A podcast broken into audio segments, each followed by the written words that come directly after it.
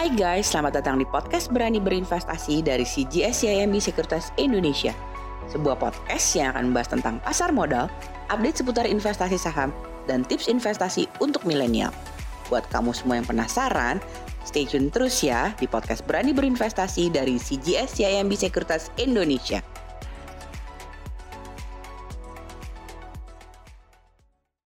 Halo guys, kembali lagi nih di podcast Berani Berinvestasi bersama CGS YMB Sekuritas Indonesia. Kali ini saya Kevin Uta Barat dan Fani Suherman selaku retail analis dari CGS YMB Sekuritas Indonesia akan ngomongin nih tentang ambisi Indonesia menjadi pemain global baterai electric vehicle. Oke, kalau kayak gitu kita langsung aja mulai. Halo Van, apa kabar?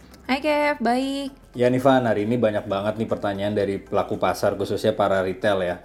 Nah, kemarin kemarin-kemarin kan kita bahas nih tentang uh, SWF Indonesia. Lalu pembahasan yang menarik kedua adalah prospek baterai e- electric vehicle. Nah, sebenarnya itu seperti apa sih Van detailnya? Nah, memang benar nih Kev. Jadi sebenarnya awalnya sudah kelihatan ya, memang arahnya pelan-pelan kita akan uh, lebih prefer ke green energy nih.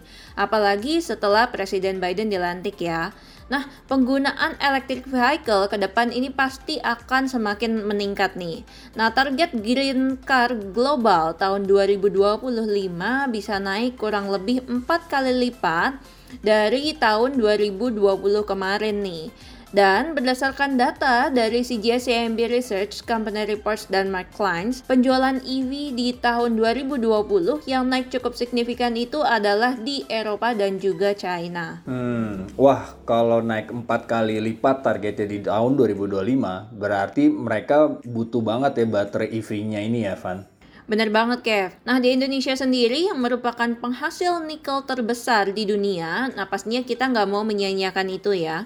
Untuk itu beberapa waktu yang lalu nih uh, sempat dibahas akan dibentuk Indonesia Battery Holding dengan anggotanya adalah Mind ID atau yang Inalum itu, kemudian ada Antam, PLN dan juga Pertamina. Nah, Indonesia Battery Holding ini menargetkan bisa menjadi pemain global industri baterai kendaraan listrik pada 2025. Bisa dijelaskan nggak Van, dalam hal apa aja nih target untuk menjadi pemain global? Nah, menurut Ketua Tim Percepatan Proyek EV Baterai Bapak Agus, yang pertama adalah BUMN memiliki ambisi besar untuk menjadi pemain global material produk hulu atau nikel sulfat. Nah, target produksi olahan mineral itu dipatok sebesar 50.000 sampai 100.000 ton per tahun. Nah, yang kedua, BUMN ingin menjadi pemain global untuk produk katoda baterai dengan target produksi prekursor sampai dengan katoda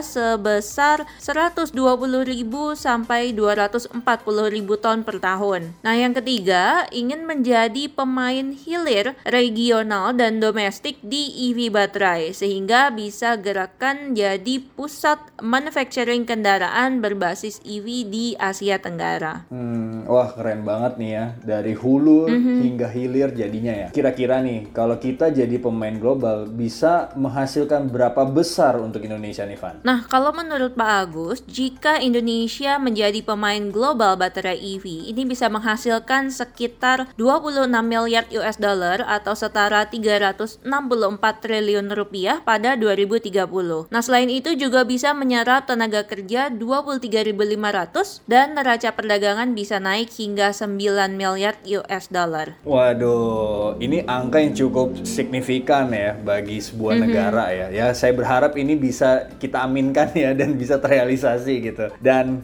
memang uh, sangat memungkinkan ya karena Indonesia juga punya sumber daya nikelnya ya Van ya. Mm -mm, Kev, benar. Nah, apalagi sejak tahun lalu pemerintah sudah melarang ekspor nikel ore sehingga ini membuat suplai dunia semakin ketat. Nah, makanya nggak heran nih banyak produsen mobil listrik yang mulai melirik investasi ke Indonesia. Contohnya seperti Hyundai, Tesla, dan juga BASF dari Jerman. Oh iya Van, kalau nggak salah juga ada perusahaan juga dari China dan Korea yang sudah investasi atau uh, perkirakan akan investasi di Indonesia ya. Benar Kev, memang ada dua produsen EV baterai untuk kendaraan listrik yaitu CATL dari China dan LG Chem dari Korea Selatan yang ingin bergabung dalam proyek investasi bernilai sekitar 20 miliar US dollar ya dalam pengembangan rantai pasokan nikel di Indonesia. Nah, menurut CEO Mind ID Bapak Orias Petrus, CATL ini sudah melakukan kerjasama awal dengan Antam. Dan LG Chem ini nantinya akan melakukan kerjasama dengan Pertamina. Siapa sih Van sebenarnya LG Chem dan CATL ini? Nah kalau berdasarkan data dari CGS CMB Research dan Company Report, uh, global EV battery makers dengan kapasitas terbesar itu adalah LG Chem dan juga CATL. Nah dengan market share untuk CATL itu untuk yang uh, global ya sekitar 24,2 persen dan LG ini 22,6 persen. Nah LG LG ini dia adalah supplier global EV baterai yang memiliki strong relationship dengan Tesla, VW, GM dan juga Hyundai. Nah, sedangkan CATL ini juga termasuk top 10 baterai companies yang mensuplai ke Tesla, VW, BMW dan lain-lain. Wah, berarti ya yang kerjasama dengan Antam nantinya ini adalah pemain besar juga ya di dunia ya. Benar, Kev. Nah, kalau tadi teman-teman ingat di pembahasan awal, kita sempat bahas bahwa yang naik itu adalah demand EV dari dari China dan Eropa. Nah, tahu nggak? Ternyata penjualan best-selling EV di China tahun 2020 itu adalah dari Tesla. Dengan total sales mencapai 137.500 unit di 2020 atau naik sekitar 227% dibanding tahun 2019. Jadi uh, ke depannya apakah prediksi, prediksi produksi dari Tesla ini akan naik juga nih Van? Bener Kev. Nah targetnya Tesla ini akan menaikkan uh, atau mendobelkan ya EV productionnya ke 1 juta unit pada 2021 dan uh, menargetkan sekitar 25 sampai 30% market share untuk global EV sales pada 2025. Jadi sebenarnya uh, Eh, kalau kita perhatikan ya teman-teman ya, Antam kenapa belakangan ini naik cukup signifikan karena kalau kita bedah secara dalam ini memang prospeknya sangat besar banget ya. Seperti itu ya Van ya. Iya Kev. Nah sekali lagi tapi ini masih benar-benar long term ya. Dan sebenarnya ini bukan hanya efek ke Antam aja, tapi juga ke proyeksi demand nikel secara keseluruhan akan naik dan pastinya bisa menaikkan harga nikel juga. Nah di antaranya ini bisa menguntungkan Inco. Thanks banget ya nih Van ya untuk sharingnya ya Van ya. Sama-sama. Nah, gimana guys podcast kita hari ini? Dan buat kalian semua, sampai jumpa lagi ya di podcast Berani Berinvestasi selanjutnya. Supaya kalian semakin berani untuk berinvestasi. Karena kalau nggak dimulai dari sekarang, kalian mau mulai berinvestasinya kapan? See ya!